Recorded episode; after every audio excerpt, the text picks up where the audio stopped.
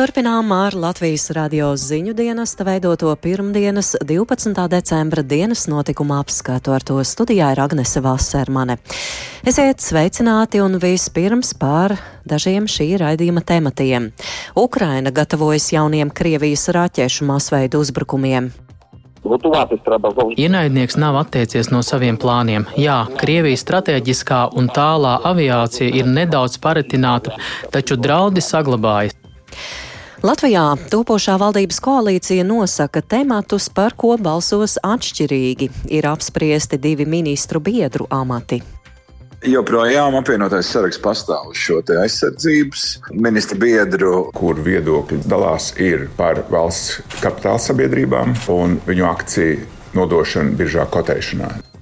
Un programmā arī mūsu speciāla korespondentes reportāža no Kijivas par to, kā cilvēki atgriežas mājās, kas bija kara izpostītas un nu atjaunotas.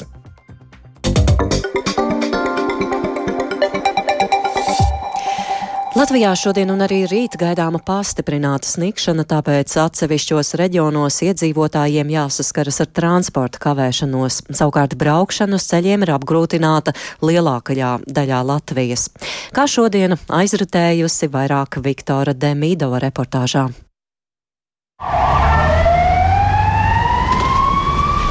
Ar skaļām sirēnām garām traucas Rīgas satiksmes avārijas dienests, kas dodas uz Elizabetes un eksporta ielas krustojumu.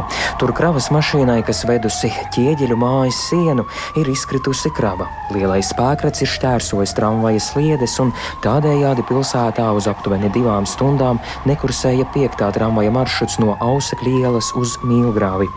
Negadījums pie krustojuma izraisīja sastrēgumus.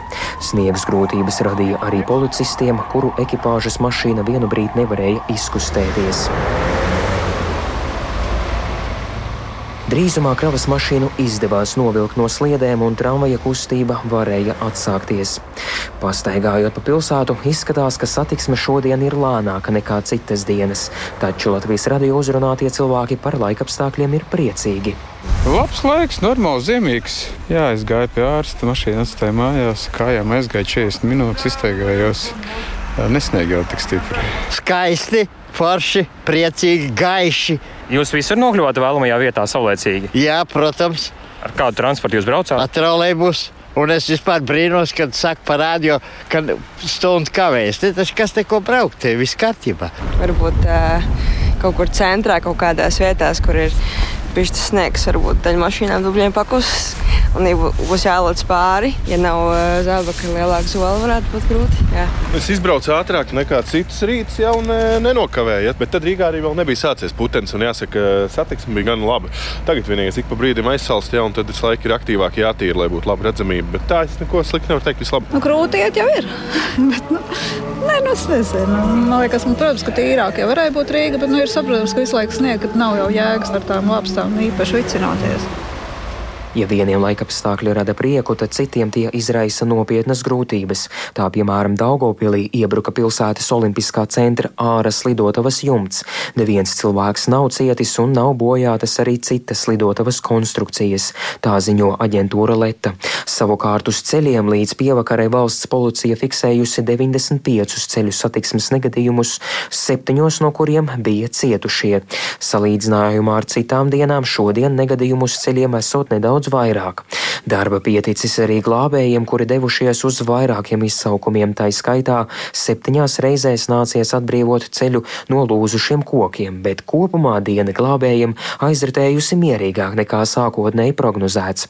Savukārt uz valsts ceļiem situācija dažviet ir ļoti nopietna, turpina Latvijas valsts ceļa pārstāve Anna Kononova. Kritiskākā situācija joprojām saglabājās tās apkārtnē, pat laban jau tādi īpaši apgrūtināti braukšanas apstākļi ir tiešām daudz vietu. Rīgas apceļš visa tā garumā. Uz kurzemes pusi Ventspils šosei praktiski visā garumā, Liepājas šoseis atsevišķi posmi un visi ceļi Tukuma kuldīgas tausu apkārtnē. Tallinas šoseja, Valmieras šoseja, Siguldas šoseja, Vidzemes šoseja ir īpaši apgrūtinātas. Izbraukt grūti ir arī Madonas gulbenes, Daugopils, Krāslavas, Preļu apkārtnē un citviet. Sniegputenis ietekmē arī sabiedriskā transporta kustību. Tā, piemēram, no rīta bija atcelti 11 avio reisi, bet līdz pievakarei dažādu apstākļu dēļ nav notikuši ap 20 reģionālo autobusu reisu. Tie autobusi, kas braucienu veids, var kavēt līdz 30 minūtēm, savukārt Rīgā līdz 20 minūtēm, trolaibusi līdz 15, bet tramvajam būtisku kavējumu nesot. Viktors Demidovs, Latvijas radio.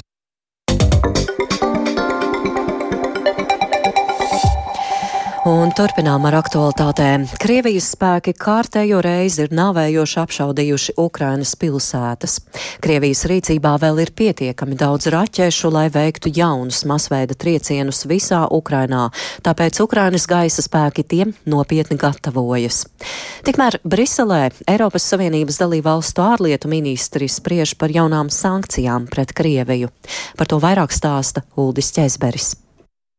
Krievija ikdienu turpina apšaudīt ar raķetēm un artilēriju Ukrainas pilsētas un ciemus, nogalinot un ievainojot civiliedzīvotājus. Vismaz divi cilvēki nonāvēti, bet vēl septiņi ievainoti šodien Hersonas pilsētā, kad vienu no tās mikrorajoniem intensīvi apšaudīja Dņepras upes kreisajā krastā esošais Krievijas karaspēks. Krievija nav atteikusies no plāniem iznīcināt Ukrainu, tāpēc ir gaidāmi jauni iebrucēju raķešu un aviācijas uzbrukumi Ukrainas civiliedzīvotājiem un kritiskajai infrastruktūrai, brīdinājis Ukrainas gaisa spēku runas vīrs Jurijs Ignats. Ienaidnieks nav atteicies no saviem plāniem. Jā, Krievijas strateģiskā un tālā aviācija ir nedaudz paretināta pēc nesen notikušajiem triecieniem pa viņu lidlaukiem, taču draudi saglabājas, viņiem joprojām joprojām ir raķetes. Viņiem joprojām ir vajadzīgas pauzes, lai sakoptu spēkus un plānotu uzbrukums. Tāpēc mēs gatavosimies šiem uzbrukumiem un atvairīsim tos. Krievijas bruņoto spēku arsenālā ir vēl tik daudz raķešu, lai veiktu 3 līdz 5 masveida triecienus, paziņojis Ukrainas aizsardzības ministrijas galvenās izlūkošanas pārvaldes priekšnieka vietnieks Vadims Skibitskis. Ukraiņi rēķina, ka vienā šādā uzbrukumā Krievi izšautu 80 līdz 90 raķešu. Skibitskis piebilda, ka Krievija ik mēnesi spēj saražot aptuveni 40 spārnotās raķetes, kuras izmanto uzbrukumos Ukrainas civilajai un kritiskajai infrastruktūrai. NATO dalībvalsts Slovākijas ārlietu ministrs Rastislavs Kačers paziņojis, ka Bratislava joprojām ir gatava piegādāt Ukrainai sen apsolītos padomju ražojuma iznīcinātājus MiG-29.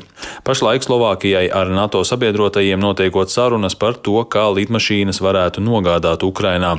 Kačers cer, ka iznīcinātāji būs Ukrainas rīcībā jau pavisam drīz.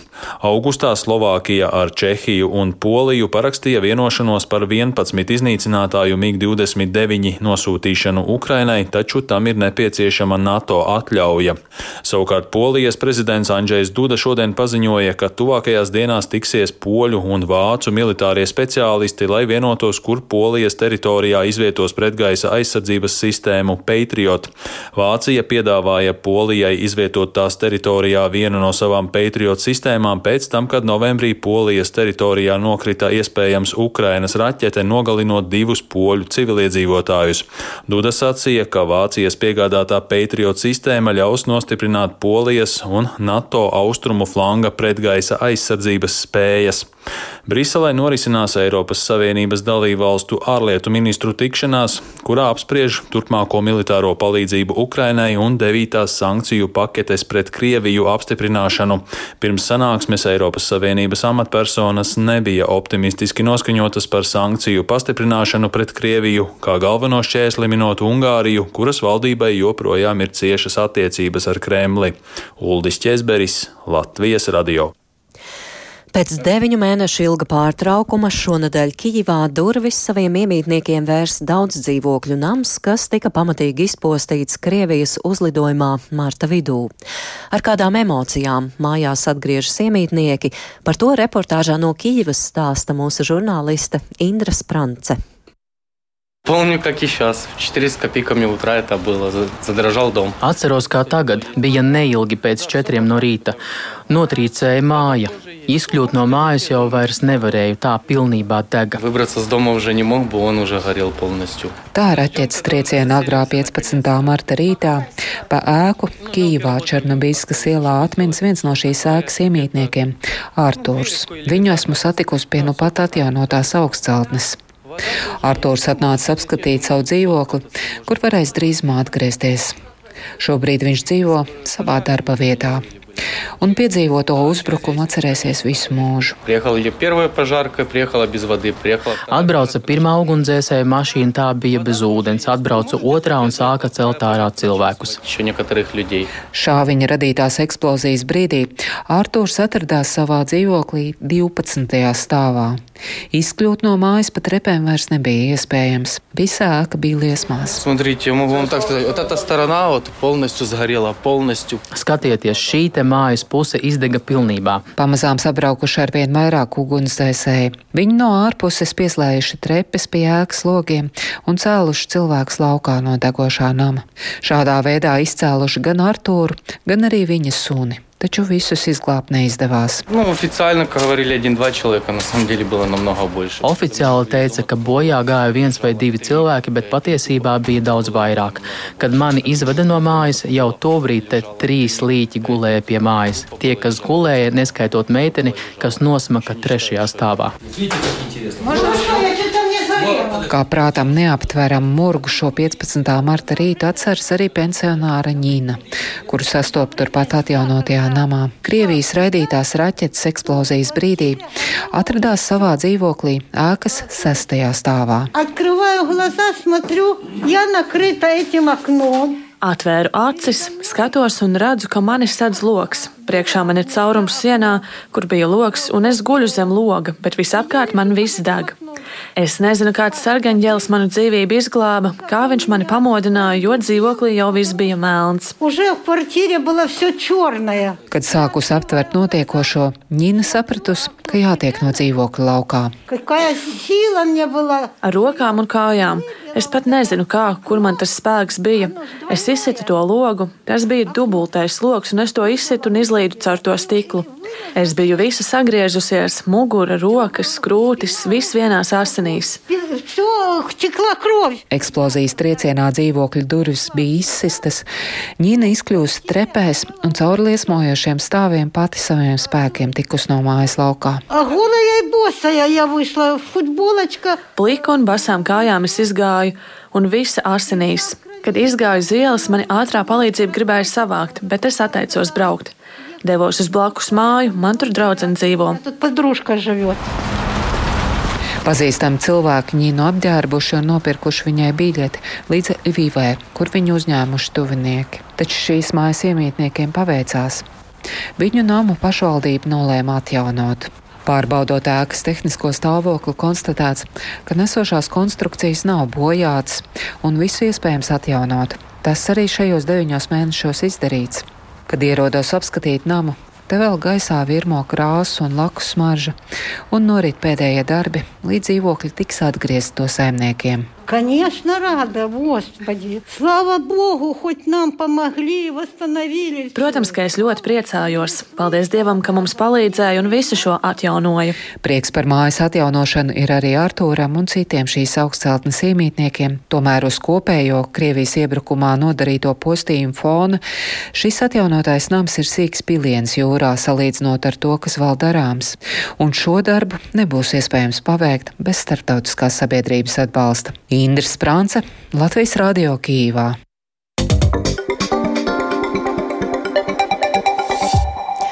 Un turpinot par ārvalstīs notiekošo, Turcijas prezidents Reģeps Taips Erdogans brīdinājis, ka viņa valsts izstrādātās tuvas darbības rādījusa balistiskās raķetes Taifūna var sasniegt kaimiņu valsts Grieķijas galvaspilsētu Atēnas. Šie Erdogana izteikumi ir saistīti ar Grieķijas militāro nostiprināšanos Egejas jūras salās netālu no robežas Turcijas. Grieķija un Turcija ir NATO dalībvalstis, taču to attiecības pēdējos gados ir sāsinājuši teritoriāli strīdi un jautājums par Kipras salas nākotni. Lūk, Erdogana teiktais. Ve şimdi artık füzelerimizi Mēs esam sākuši ražot savas raķetes. Protams, ka tas biedē grieķus. Kad jūs sakāt taifun, tad grieķis nobīstas un saka, tās trāpīs Atēnām. Protams, ka tās trāpīs. Ja jūs nenomierināsieties, ja mēģināsiet uz salām nosūtīt no ASV iegādātus ieročus, tad tāda valsts kā Turcija nenoskatīsies vienaldzīgi no malas. Tai kaut kas būs jādara. e, Türkiye gibi bir ülke herhalde armut toplamayacak yani bir şeyler yapması lazım. Šādi Turcijas prezidenta Reģepa Taipa Erdogana izteikumi eh, Grieķijas virzienā. Bet Eiropas Savienībā plašu sašutumu izraisījušas Eiropas parlamenta deputātu aizturēšanas par apsūdzībām korupcijā un līdzdalību naudas atmazgāšanā. Schēmā varētu būt iesaistīta Katara. Amatpersonas aicina veikt nopietnu izmeklēšanu, lai novērstu līdzīgu skandālu atkārtošanos nākotnē, stāsta Rustams Šukūraus. Četri Eiropas parlamenta deputāti, kuru vidū ir arī parlamenta viceprezidenta Eva Kaili, ir apsūdzēti par lielu naudas summu pieņemšanu no kādas Persijas līča valsts. Tiek ziņots, ka kukuļotāja valsts ir Katara. Eiropas Savienības amatpersonas komentējot skandālu bijušas asas savos vērtējumos. Eiropas Savienības ārlietu vadītājs Žuzeps Borels Eiropas parlamenta deputātiem izvirzītās apsūdzības raksturoja kā ļoti satraucošas. Viņš arī uzsvēra izvirzīto apsūdzību nopietnību. Vācijas ārlietu ministra Anna Lēna Bērboka sacīja, ka šajā lietā ir jāpiemēro pilns likuma spēks, jo uz kārts esot uzticamība Eiropas Savienības institūcijām. Savukārt īrijas ārlietu ministrs Simons Kovenijs aicināja veikt nopietnu un atklātu izmeklēšanu, uzsverot to, ka ir jāšķietina katra šī skandāla detaļa, lai nekas tam līdzīgs vairs neatkārtotos.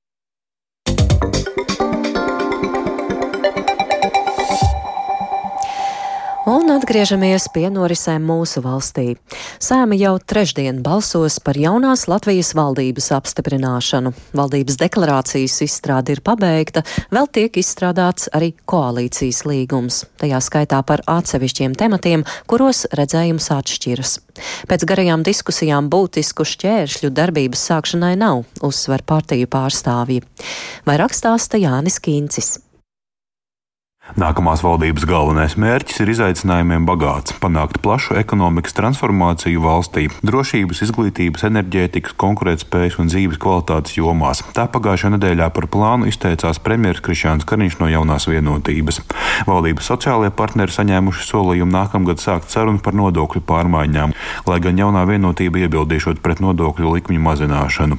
Trīs jomās padomdevēja lomā varēs būt ministra biedri, un līdz šim izrunātas iespējas par diviem šādiem amatiem amatiem, stāsta partijas vienotība līderis Arvils Ašerādens. Joprojām apvienotais saraksts pastāv uz šo aizsardzības ministra biedru. Tas būtu ministrs biedrs, kas atbildīgs par visu iedzīvotāju iesaisti gadījumā, ja eskalējas militārā krīze. Viena ļoti augsta ticamība ir, ka būtu par mediju telpu atbildīgais ministrs biedrs kultūras ministrijā. Notikumi ir ļoti dinamiski mediju telpā. Politiski atbildīga persona būtu diezgan svarīga šī brīdī. Jā. Jaunā vienotība mudināja valdības deklarācijā iekļaut nolūku pārdot valsts kapitāla sabiedrību akcijas biržā. To darot, iedzīvotāji un pensiju fondi varētu ieguldīt Latvijas ekonomikā. Turklāt tas atrisinātu arī kapitāla sabiedrību pārvaldības jautājumus. Tā ideja aizstāvēja jaunā vienotība, taču pret to iebilda topošās koalīcijas partneri no apvienotā saraksta. Turpina viens no tā dibinātājiem uzņēmējs Uldis Pīlēns. Viena no tēmām, kur viedokļi dalās, ir par valsts kapitāla sabiedrībām, viņu akciju nodošana biržā kotēšanā ir atšķirīgs redzējums. Šajā brīdī iet biržā ar tādiem uzņēmumiem kā Latvijas valsts meži, Latvijas energo piedarošām struktūrām. Ostas nedrīkst, tāpēc tas ir deklarācijā noankrots punkts par kritisko infrastruktūru. Satiksmes ministra amatam izraudzītais Jānis Vitsenbergs no Nacionālās apvienības Latvijas radio savukārt apliecināja, ka vēlas turpināt ostu pārvaldības reformu un ņemt vērā iepriekšējos gados pieļautās kļūdas. Eiropā populārs šis kapitāla sabiedrība pārvaldības modelis un arī iepriekšējais satiksmes ministrs šo reformu uzsāka, lai šādu modeli ieviest arī Latvijas ostās, taču nu, ir bijuši pietiekami skaļa kritika arī par to, ka uzņēmēja viedoklis nav ņemts vērā, pašvaldība iesaisti ir bijusi minimāla, ja tā saruna par to, ko tālāk ar ostām darīt, kā palīdzēt tām attīstīties, noteikti būs. Es arī centīšos, gan, kā es teicu iepriekš, gan uzņēmējs, gan pašvaldības aicināt pie šiem sarunām tālāk arī šo pārvaldības modeli virzot, ņemt vērā arī viņu viedokli. Līdztekus pašlaik top koalīcijas līgums, kurā būs uzskaitīti sadarbības nosacījumi. Turpina Arvils Ašrādens. ļoti konservatīvs koalīcijas līgums. Būtiski neatšķirās no iepriekšējiem. Viņš noregulē jautājumus, kā koalīcija sadarbojās, kā izrunā būtiskus jautājumus nosaka, kuros jautājumos koalīcija ir vienprātība, un nosaka jautājumus, kuros koalīcijas partneri var balsot atsevišķi. Daži no šādiem punktiem, kas pretēji uzskatu dēļ nav iekļaut valdības deklarācijas projektā, ir par Nacionālās apvienības atšķirīgajiem uzskatiem par imigrācijas jautājumiem, jaunās vienotības skatījums uz cilvēktiesību jautājumiem, tā skaitā pašlaik noraidīto civilās savienības likuma projektu. Savukārt apvienotā saraksta redzējums atšķiras par vēlēšanu sistēmas iespējamām izmaiņām Latvijā. Paredzēts, ka valdības deklarācija un koalīcijas koalīcijas līgumu parakstīs trešdienas rītā, un jau drīz pēc tam saima balsos par nākamās valdības apstiprināšanu. Jānis Kincis, Latvijas Radio.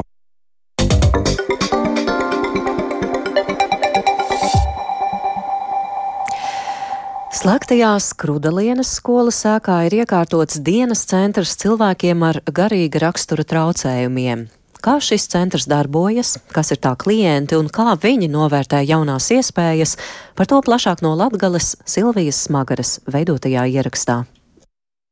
Skolu pēc tam, kad viņas nebija, mēs vienkārši neaizvērām. Šī ir unikāla ēka, tāda monumentāla būve. Neticība, vai būs novadā klienta garīgās attīstības traucējumiem, kam šāds centrs būtu nepieciešams, par ko atklāšanā runā novada domas vadītājs Arvīts Kucins, tiešām sākotnē bijusi. Neslēpj augšdaugavas novada sociāldienesta vadītāja Anna Jagārva. Tā ir mērķa grupa, kura ir izolēta no sabiedrības. Tā sabiedrības stereotips, ka šī mērķa grupa it kā varētu tā kā traucēt sabiedrībai, mums ir jālauž. Un šodien šodien es varu teikt ar atbildību, ka mums tas ir izdevies.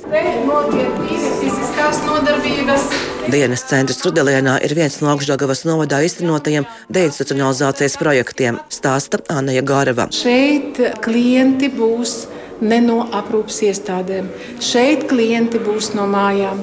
Tie klienti, kas īstenībā ir bijuši četrās sienās, Bet tagad, ja jūs redzētu viņu acis, ka viņi darbojās pie galda līmē, griež, nu, pavisam citi cilvēki, viņi atdzīvojās. Visu, ko daru, patīk. Nodarboties ar rokdarbiem, ar visu, ko. Anna ir no Svētas pagasta. Ikdiena viņa vada savā mājā, izolācija no citiem cilvēkiem. Viena pati tieku galā. Es viena, tā mamma mira, tante vēl dzīvo, tā viņa arī jau gados. Kačīši un sunītis tikai viens. Jā. Saimniecībās mums bija, kad vecā māte bija dzīva, tad turējām, tagad nav nekā. Tik palīdzu ūdeni sev atnest un tantei palīdzu arī mammas māsai. Dimitris Kapusta man sauc. Es no Svētas pagas. Oi, man iepatikās šeit. Man gribās vēl braukt, braukt uz šejieni ar cilvēkiem vairāk sadraudzēties un parunāties. Arī Dmitrijs līdz šim savu dzīvi vadījis mājās, piepalīdzot ģimenēm saimniecībā. Iespēja, ko darīt šajā dienas centrā un kā attīstīties šiem cilvēkiem, ir daudz. Par to parūpējas centra darbinieki stāsta šī centra vadītāja Jūlija Žugare. Rokdarbi, nodarbības krāsošana, zīmēšana, filcēšana, šūšana, mums ir šūju mašīna. Šeit arī klienti atpušas, ja viņi skatās televizoru. Mēs viņam skaidrojam arī tādas praktiskas lietas, kā saplānot budžetu, kā apģērbties atbilstoši laika apstākļiem, par sabiedrības uzvedības normām. Vienā dienā centrā iespējams uzņemt līdz 15 klientiem. Līdz ar šī dienas centra izveidi arī bijusies Krudelienas skolas ēka kļuva apdzīvota. Taču skolas telpas ir plašas un gaida jaunas idejas, kā tās apsaimniekot un pielāgot sabiedrības vajadzībām. Silvijas Magara Latvijas radio studijā Latgalē.